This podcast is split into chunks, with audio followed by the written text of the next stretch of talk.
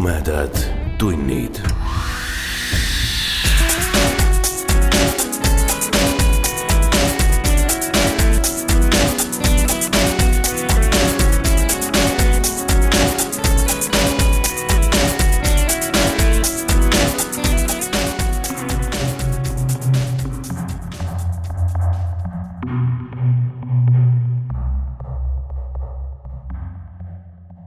tere, hea ulmesõber. Sa hakkad kuulama Tumedad tunnid podcasti suvise järjejutu neljandat osa. nii et kui sattusid siia kogemata, siis mine veidi tagasi ja kuula, millest lugu alguse sai. ma loen teile neljanda osa HP Lovecrafti õudusloost Vari Innsmouthi kohal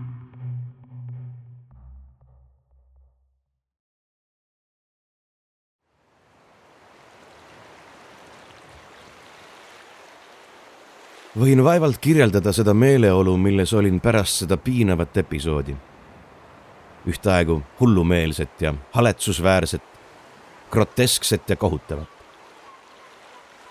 kaupluse poiss oli mind selleks ette valmistanud, kuid tegelikkus oli veelgi hämmeldavam ja häirivam. kuigi lugu oli lapsik, oli vana Zadoki segane tõsidus ja hirm muutnud mind üha rahutumaks millega ühines mu varasem jälestustunne linna ja selle hukutava varju vastu. hiljem võisin sõeluda seda lugu ja eraldada ajaloolisest allegooriast mõnd tuuma. just praegu tahtsin selle peast välja visata. oli juba ohtlikult hilja. mu kell ütles seitse viisteist ja Arkhami buss väljus linnaväljakult kell kaheksa. nii et püüdsin anda oma mõtetele nii neutraalse ja praktilise suuna kui võimalik vahepeal jalutasin kiiresti läbi mahajäetud tänavate, mis olid täis augulisi katuseid ja längus maju hotelli poole, kuhu olin jätnud oma seljakoti ja kust võisin leida oma bussi. kuigi hilise pärastlõuna kuldne valgus andis iidsetele katustele ja igerikele korstendele müstiliselt armsa ja rahuliku ilme, pidin ma aeg-ajalt üle õla vaatama. soovisin palavalt sellest haisvast ja hirmuvarjulisest Innsmouthist välja pääseda. ja oleksin väga tahtnud, et selleks oleks olnud mõni teine liiklusvahend kui õelailmelise sargenti juhitud buss. kuid ma ei kiirustanud liigselt, sest igas vaikses nurgataguses oli vaatamisväärseid arhitektuurilisi detaile ja võisin vabalt, nagu arvasin, kõndida vajaliku vahemaa poole tunniga. uurisin poepoisi kaarti ja otsisin teed, mida polnud varem läbinud. seepärast valisin linnaväljakule jõudmiseks osariigi asemel Marshi tänava. Falli tänava nurgal hakkasin nägema laiali puistatud vargsete sosistajate salku. ja kui ma viimaks väljakule jõudsin, nägin, et peaaegu kõik ringlogelejad olid kogunenud Gilmani maja ukse ümber. paistis, nagu oleksid paljud pungis vesised pilkumatud silmad mind imelikult vaadanud, kui võtsin hotellist oma pagasi ja lootsin, et ükski neist ebameeldivaist olendeist pole bussis minu sõidukaaslasteks. buss ragistas kohale üsna varakult, veidi enne kaheksat, koos kolme reisijaga ja kõnniteel seisev tigedailmeline mees sosistas juhile paar eristamatut sõna Sargent viskas välja postikoti ja rulli ajalehti ning sisenes hotelli. sel ajal kui reisijad, needsamad mehed, keda olin näinud samal hommikul Newbury porti jõudmas, komberdasid kõnniteele ja vahetasid hulkuriga mõned vaiksed kurguhäälsed sõnad ühes keeles, milleks võisin vanduda polnud inglise keel. ronisin tühja bussi ja valisin koha, kus olin olnud ennegi. kuid olin vaevalt istet võtnud kui ilmus sargent ja pomises midagi kurguhäälselt ning eriti vastikult. mul oli, nagu selgus, väga halb õnn. mootoriga oli midagi juhtunud, hoolimata suurepärasest ajast, millega Newbury portist siia jõuti ja buss ei ole Arkhami reisiks valmis. ei, see parandatakse tõenäoliselt sel õhtul ära ja, ja polnud ka mingit teist Innsmouthist lahkuvat transpordivahendit olgu siis Arkhamisse või kuhugi mujale. Sargentil oli kahju, kuid ma pidin jääma Gilmani hotelli. tõenäoliselt annab ametnik mulle toa väga odavalt. ja midagi muud polnud teha.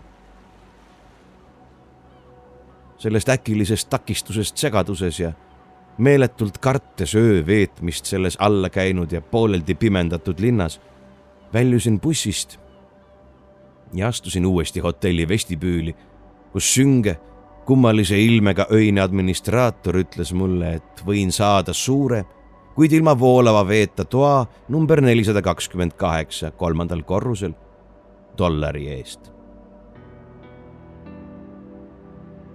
hoolimata sellest, mida olin Newbury Portis hotelli kohta kuulnud, kirjutasin hotelli raamatusse sisse, maksin oma dollari lasksin administraatoril võtta mu kohvri ja järgnesin sellele hapu olekuga süngele mehele üles mööda kolme nagisevat trepijärku, mööda tolmustest koridoridest, mis paistsid täiesti inimtühjad.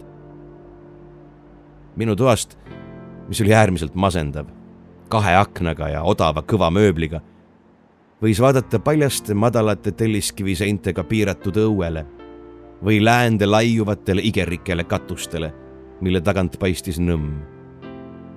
koridori lõpus oli vannituba. hämar relikt, iidse marmorkausi, plekk vanni, nõrga elektrivalguse ja kõdunevate puupaneelidega. oli veel valge.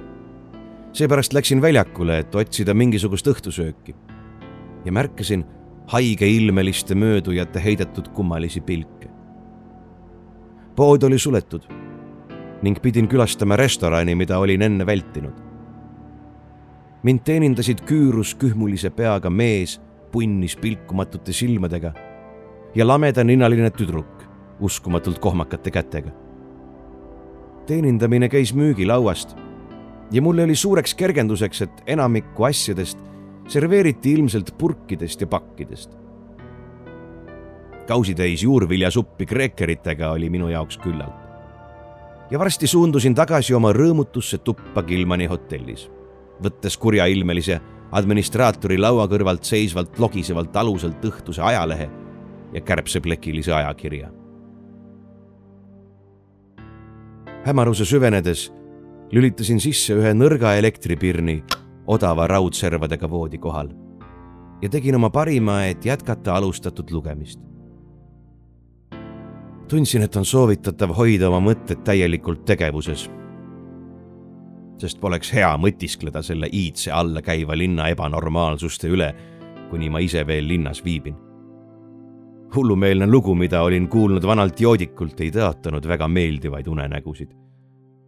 ja ma tundsin, et pean mõtlema tema metsikutest vesistest silmadest nii vähe kui võimalik ja lisaks ei peaks ma mõtlema, mida tehase inspektor oli öelnud Newbury Porti piletimüüjale Gilmani maja kohta ja selle öiste elanike häältest. mitte sellest ega ka näost tiara all kiriku ukse mustavas avas. selle näo ilmet ei suutnud mu teadvus vastu võtta. oleks ehk lihtsam olnud mitte mõelda häirivatest asjadest, kui ruum poleks olnud nii kohutavalt kopitanud praegu segunes kopituse hais võikalt linna kalalõhnaga ja koondas pidevalt tähelepanu surmale ja kõdunemisele. veel üks asi, mis mind häiris, oli riivi puudumine minu toa uksel. seal oli riiv olnud, nagu märgid selgelt näitasid, kuid oli ka märke selle hiljutisest eemaldamisest.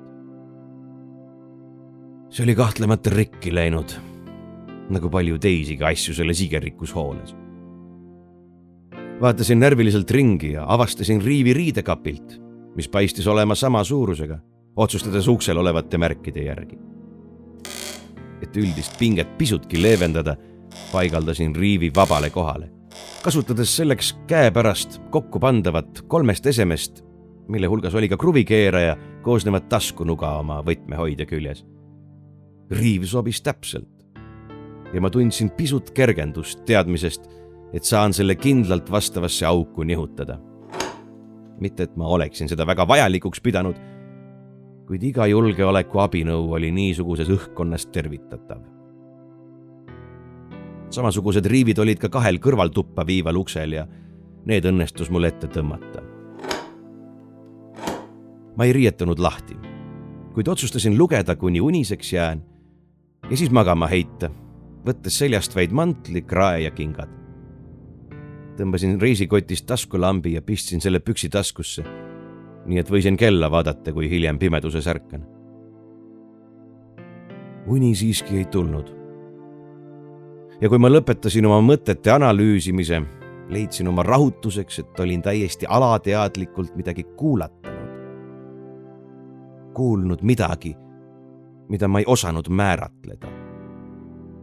Inspektori jutt pidi olema mõjunud mu alateadvusele tugevamalt, kui olin arvanud. jälle püüdsin lugeda, kuid leidsin, et see ei edene. mõne aja pärast arvasin kuulvat trepilt ja koridoridest vaheaegadega naginat, nagu samme. ja mõtlesin, et kas teised toad hakkavad täituma ma ei kuulnud siiski hääli ja mulle tuli pähe, et selles naginas on midagi vargset. mulle ei meeldinud see ja juurdlesin, kas magama minek on üldse tark tegu. selles linnas elasid mõned imelikud tegelased ja siin olid kahtlemata olnud mõned kadumised. kas see oli üks neist hotellidest, kus reisijaid raha pärast tapetakse? kindlasti polnud mul eriti jõukat välimust. Või oli linnarahvas tõesti nii sallimatu uudishimulike külaliste suhtes? kas oli minu vaatamisväärsustega tutvumine koos sagedaste kaardi uurimistega nii ebameeldivat tähelepanu äratanud? mulle tuli pähe, et pidin olema tõesti närviline, kui lasksin paaril juhuslikul naginal end niimoodi häirida kuid ma kahetsesin siiski, et olin relvastamata.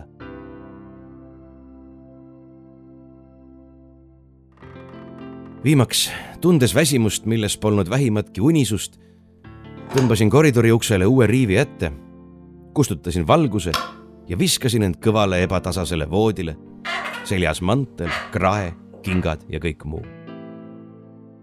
pimeduses tundus iga nõrk hääl võimenduvat ja mu peas tungles palju väga ebameeldivaid mõtteid. kahetsesin, et olin valguse kustutanud, kuid olin liiga väsinud, et tõusta ja seda uuesti süüdata. siis, pärast pikka, õudset vaheaega, millele eelnes uus nagin trepil ja koridoris, tuli see pehme ja neetult eksimatu heli mis oli nagu mu kõigi kartuste õel täideminek. täiesti kindlasti prooviti mu ukse lukku, ettevaatlikult, vargselt, tundlikult, võtmega. kuuldes seda märki tegelikust hädaohust, olid mu tunded vähem ärevad, kui võiks arvata, sest olin seda enne ähmaselt kartnud olin ilma kindla põhjuseta vaistlikult valvel. ja see oli minu eeliseks selles uues ja tegelikus kriisis, mis see ka polnud. Siiski oli ähmase hädaohu aimduse muutumine vältimatuks reaalsuseks täielik šokk. ja see tabas mind raske hoobina. mulle ei tulnud kordagi pähe, et see kobamine võiks olla lihtsalt eksitus. õel eesmärk oli kõik, millele ma suutsin mõelda ja ma ootasin surm vaikselt, mida võimalik sissetungija edasi teeb. mõne aja pärast lakkas ettevaatlik lõgin ja ma kuulsin, kuidas põhjapoolsesse tuppa võtme abil siseneti. siis prooviti pehmelt minu toa kõrvalukse lukku. riiv muidugi pidas ja ma kuulsin põranda naginat, kui hiilija toast lahkus hetke pärast tuli veel üks pehme lõgin ja ma teadsin, et minust lõunas asuvasse tuppa siseneti. jälle vargne ühendusukse proovimine, mis oli riivistatud ja jälle taanduv nagin. Seekord läks nagin pikki koridori ja trepist alla.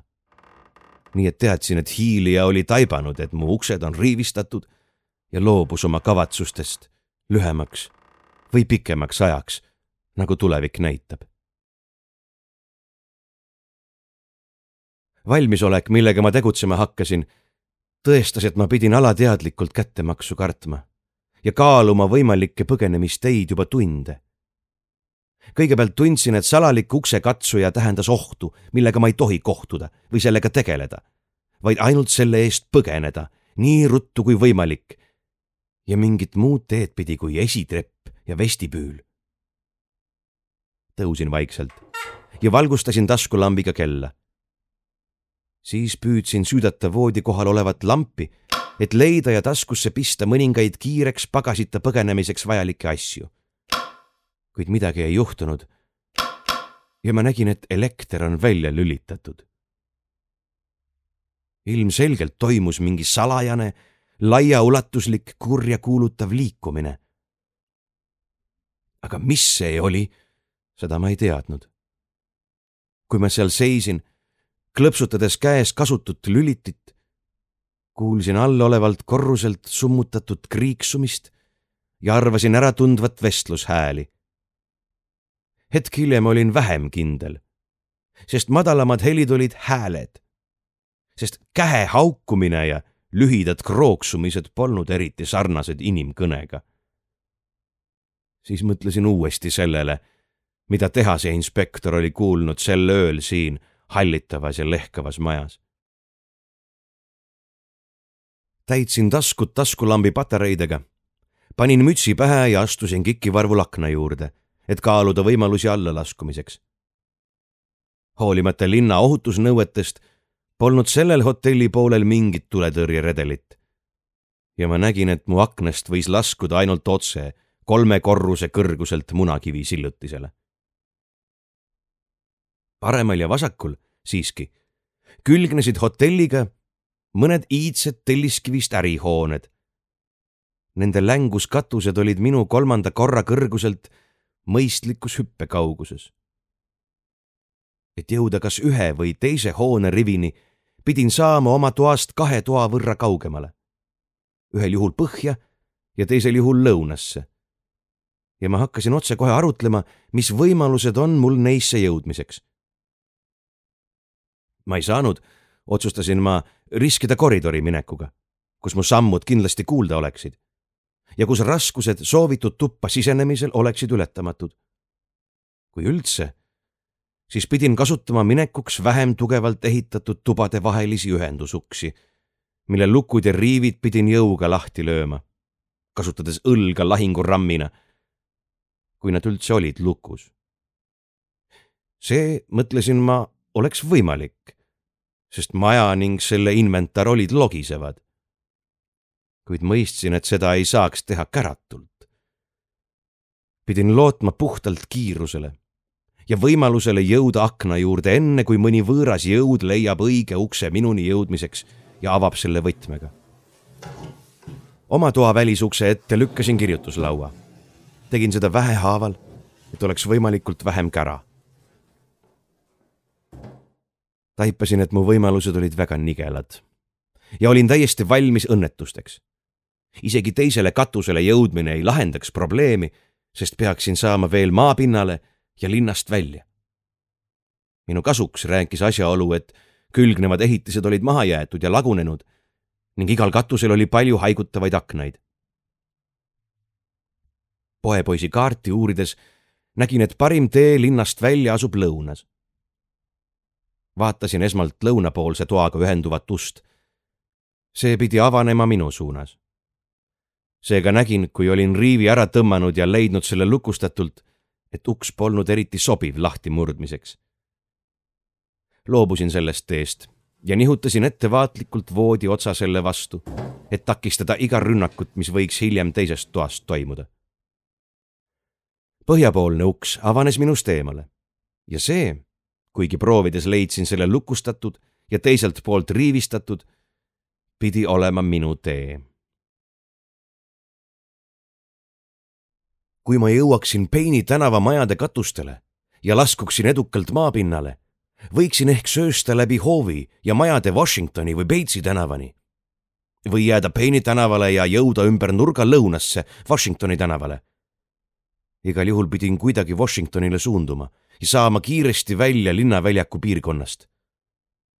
eelistasin Payne'i vältida, sest tuletõrjejaam pidi olema avatud terve öö. Neid asju mõeldes vaatasin välja enda all laiuvale kõdunevate katuste merele, mida nüüd valgustas peaaegu täiskuu. paremal lõhestas panoraami must jõekuristik, mille kallastele klammerdusid vähitaolised mahajäetud tehased ja raudteejaam. selle taga sirutusid kaugusse roostes raudtee ja Rauli maantee läbi lameda nõmme, millel oli üksikuid kõrgemaid võssa kasvanud maatükke nagu saari.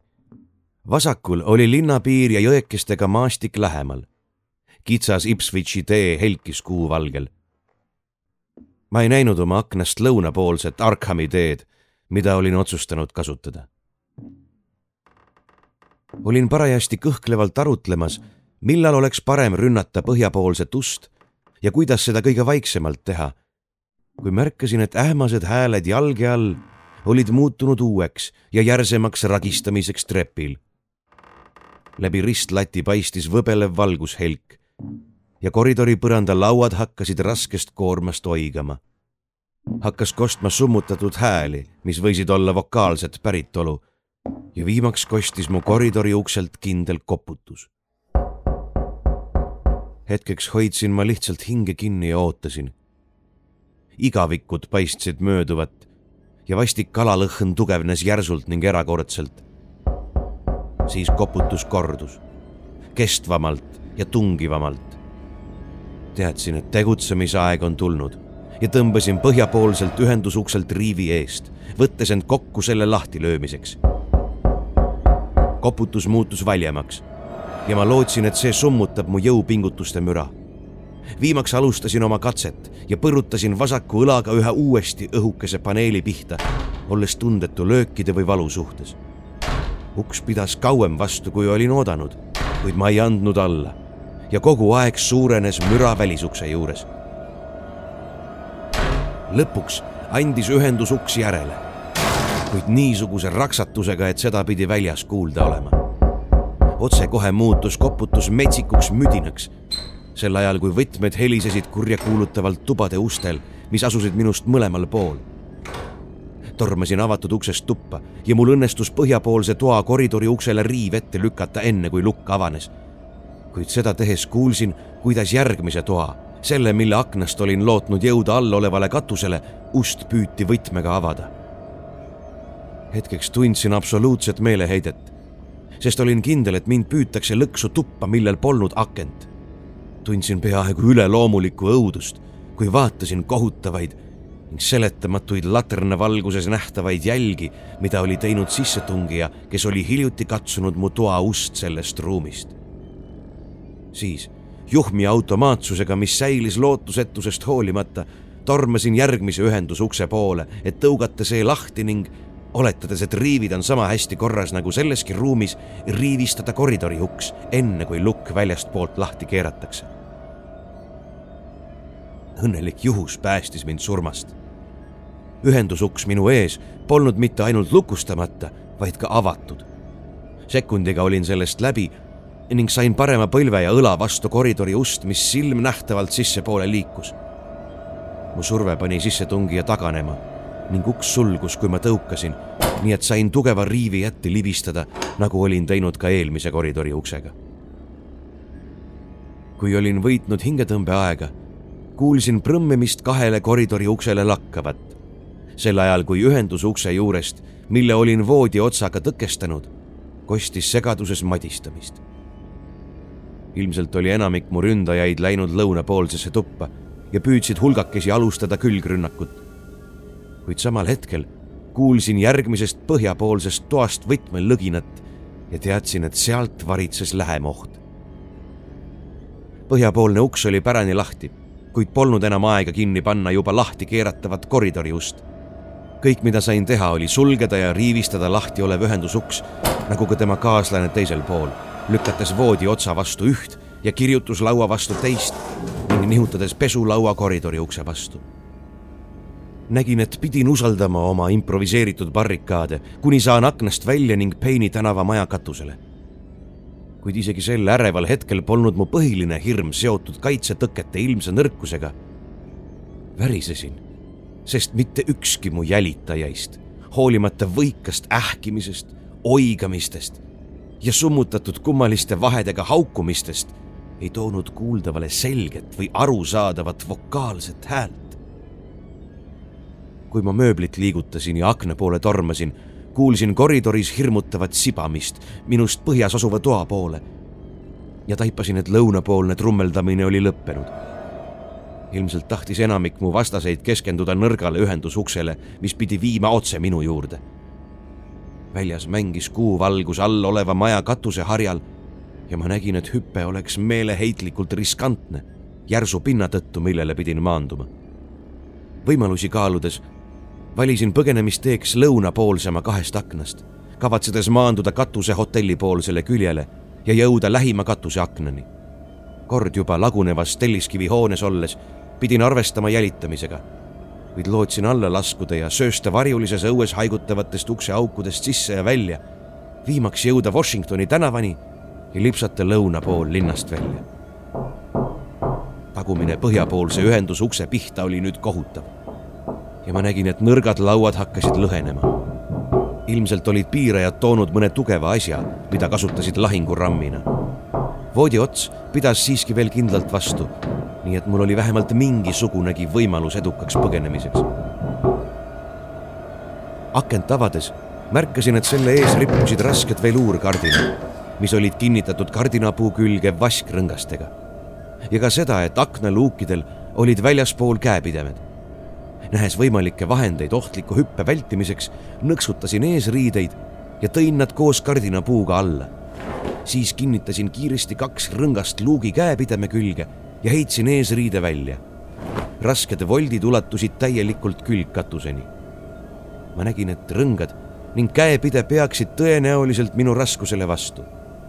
siis ronisin aknast välja ja improviseeritud köit pidi alla ning jätsin igaveseks selja taha haiglasliku ja õudusi täis Kilmani maja.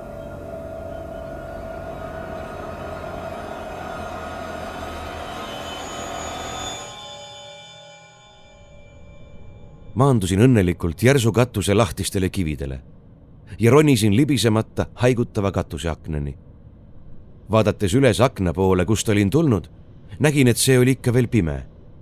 kuigi kaugel põhjas üle lagunenud korstende võisin näha pahaendeliselt lõõmavaid tulesid Daigoni ordu maja, baptisti kiriku ja Liidu tänava kiriku kohal, mida ma nii suure hirmuga mäletasin. all õues ei paistnud kedagi olevat ja ma lootsin, et pääsen minema enne, kui antakse üldine häire. valgustasin taskulambiga katuseakent ja nägin, et seal pole treppi kuid kaugus oli siiski väike, nii et klammerdusin serva külge ja laskusin alla, mütsatades tolmusele põrandale, mis oli täis katkisi kaste ja tünne. paik paistis guulide elukohana, kuid mina olin juba üle niisugustest muljetest ja tormasin otsekohe trepi poole, mille leidsin oma taskulambi abil pärast kiirustavat pilku kellale, mis näitas teist öötundi. astmed nagisesid, kuid paistsid olevat vastuvõetavalt terved ja ma kiirustasin laosarnasest korrusest mööda esimesele. Polnud ainsatki hingelist. ainult Kaja vastas mu sammudele. viimaks jõudsin eeskotta, mille ühes otsas märkasin helendavat nelinurka, mis tähendas ust Varemetes Peini tänavale. suundudes teisele poole, leidsin tagaukse samamoodi valla olevat. sööstsin välja ja viiest kiviastmest alla õue rohtu kasvanud munakividele kuukiired ei jõudnud siia, kuid võisin näha teed taskulambi abil. mõned Gilmani maja aknad helendasid nõrgalt ja arvasin kuulvat seest hämmeldunud hääli. kõndides vaikselt Washingtoni tänavale, märkasin mõnda avatud ust ning valisin lähima, et minna teisele poole. sees olev esik oli pime ja sellest läbi minnes leidsin, et tänavapoolne uks oli liikumatult kinni kiilunud otsustasin proovida mõnda teist maja ja tahtsin tagasi hoovi koperdada, kuid peatusin ukse juurde jõudes järsult. Gilmani maja avatud uksest voolas välja suur hulk kahtlasi kogusid. laternad kõikusid pimeduses ja kohutavad krooksuvad hääled vaheldusid madalate karjetega, mis polnud kindlasti mitte inglise keeles. kogud liikusid ebakindlalt ja ma mõistsin oma suureks kergenduseks, et nad ei teadnud, kuhu ma olin läinud. kuid siiski värisesin hirmust. Nende näojooned olid eristamatud, kuid nende küürus, lohisev kõnnak oli kirjeldamatult võigas. ja mis kõige hullem, ma märkasin, et üks kogu oli kummalises mantlis ja kandis kõrget tiaarat, mille kuju oli juba liigagi tuttav. kui kogud õues laiali valgusid, tundsin oma hirme suurenevat. oletagem, et ma ei suuda leida majast tänavapoolset väljapääsu. Kalalõhn oli jäle ja ma imestasin, et suudan seda nõrkemata taluda. jälle tänava poole komberdades avasin esikust välja viiva ukse ning leidsin end tühjast toast, mille aknad olid tihedalt luugistatud. taskulambi valgel kobades leidsin, et suudan luugid avada ja järgmisel hetkel olin juba välja roninud ning sulgesin luugi ettevaatlikult endisesse asendisse. Olin nüüd Washingtoni tänaval. ja sel hetkel ei näinud ühtki elavat olendit ega ka ühtki valgust peale kuu. siiski võisin mitmest suunast kuulda kaugeid kähedaid hääli, samme ja kummalist padinat, mis ei kostnud päris sammudena. ilmselgelt polnud mul aega kaotada. kompassi suunad olid mulle selged ja rõõmustasin, et kõik tänavatuled olid kustutatud, nagu on sageli kombeks vaestes maapiirkondades või kuuvalgetel öödel. mõned helid tulid lõunast, kuid jäin kindlaks oma otsusele põgeneda selles suunas. seal oleks nagu teadsin, palju tühje ukseavasid, et mulle varju anda, juhul kui kohtan isikut või rühma, kes paistavad jälitajatena. kõndisin kiiresti, vaikselt ja lagunenud majade ligi hoides. olin mütsita ja sakris pärast rasket ronimist ning tumedais riideis ja mul oli võimalik jääda märkamatuks, kui keegi peaks juhuslikult vastu tulema. Batesi tänaval tõmbusin avatud eeskotta, sel ajal kui kaks lohistavat kogu risti minu eest läbi läksid. kuid olin varsti jälle teel ja lähenesin väljakule, kus Elioti tänav Washingtoni ja siis Lõuna tänavaga ristub. kuigi ma polnud kunagi seda väljakut näinud, oli see poepoisi kaardil tundunud mulle hädaohtlikuna, sest kuuvalgus võis seal vabalt mängida. Polnud kasu katsest seda vältida, sest iga teine suund tähendaks ringi minekut, võimaliku hädaohtliku silmatorkavuse ja ajakuluga. ainus võimalus oli ületada seda julgelt ja avalikult, imiteerides nii hästi kui sain Innsmouthi rahvale tüüpilist lohistamist ja lootes, et seal pole kedagi või vähemalt minu jälitajaid. mul polnud mingit ettekujutust, kui täielikult oli korraldatud jälitus ja muidugi ka seda, mis oli selle tegelik eesmärk linn paistis ebatavaliselt elavana, kuid arvasin, et uudis minu pääsemisest Gilmanist polnud veel levinud. ma võisin muidugi varsti olla sunnitud vahetama Washingtoni mõne teise, lõunasse suunduva tänava vastu, sest see hotelliseltskond oli kahtlemata mind jälitamas. pidin olema jätnud sellesse viimasesse vanasse majja tolmujälgi, paljastades, kuidas ma olin tänavale jõudnud. väljak oli nagu olin arvanud, kuuvalgust täis. ja ma nägin selle keskel pargitaolise roheluse jäänuseid. Õnneks polnud kedagi näha, kuigi linnaväljaku poolt paistis valjenevat mingi imelik sumin või möire. Lõuna tänav oli väga lai, viies otse kerge kallakuga mere äärde ja pakkudes laia vaadet merele ning ma lootsin, et keegi ei vaata sealt kaugelt, kui ma ületan selle säravas kuuvalguses mu edasiminekut ei takistatud ja ükski uus heli ei vihjanud, et mind jälitatakse. ringi vaadates aeglustasin tahtmatult hetkeks sammu, et merele vaadata, mis paistis tänava lõpus suursuguselt heledas kuuvalguses. kaugel muuli taga paistis kuradirihvi ähmane tume joon. ja seda nähes pidin mõtlema kõigile võigastele legendidele mida olin viimase kolmekümne nelja tunni jooksul kuulnud ja mis kujutasid seda sakilist kaljut väravana, mingisse õudsesse ning ebanormaalsesse maailma. siis, ilma hoiatamata, nägin kaugelt rihvilt katkendlikke välgatusi. Need olid selged ja eksimatult nähtavad ning äratasid minus pimeda hirmu, mis kippus varjutama tervet mõistust.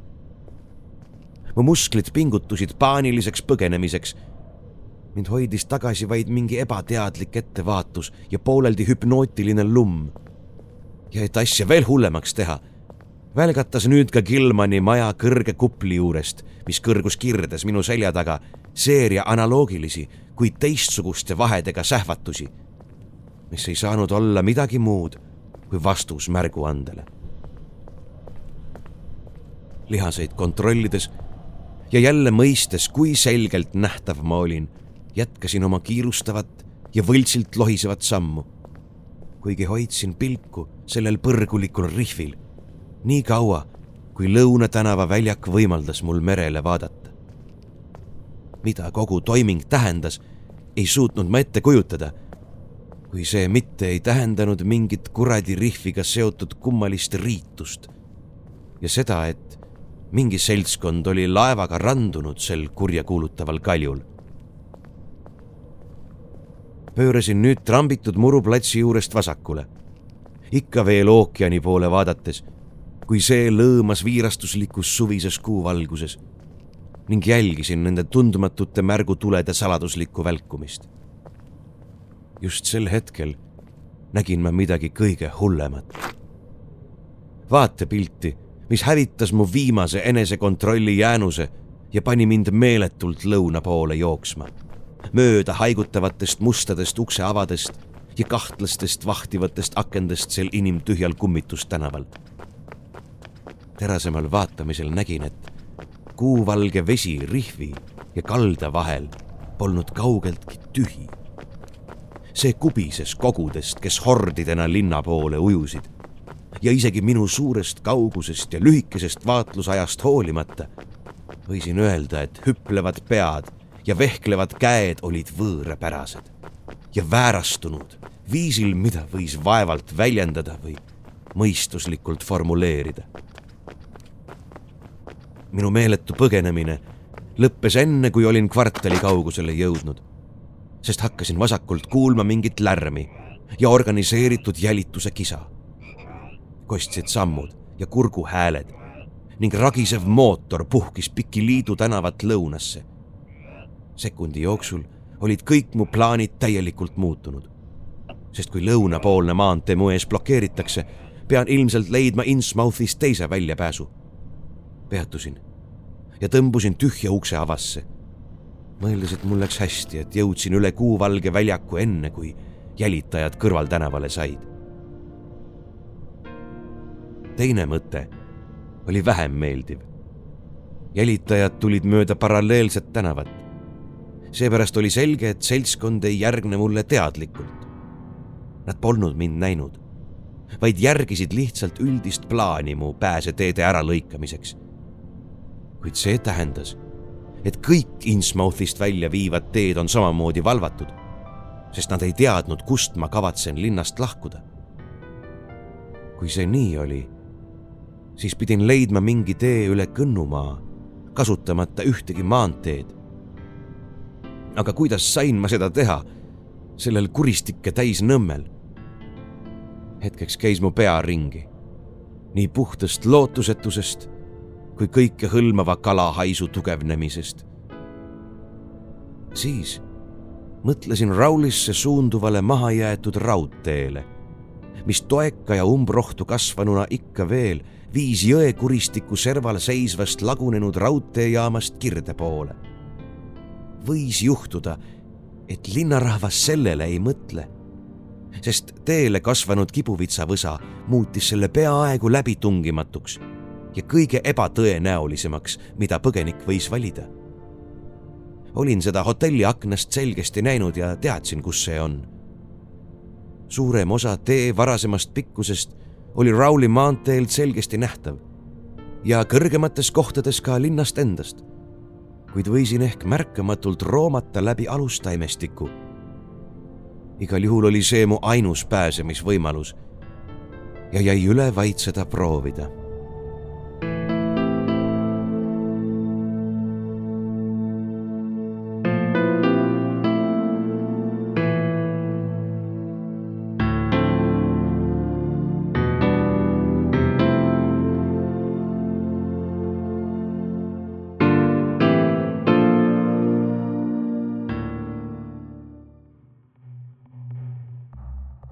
Te kuulsite neljandat osa HP Lovecrafti õudusloost Vari Innsmouthi kohal.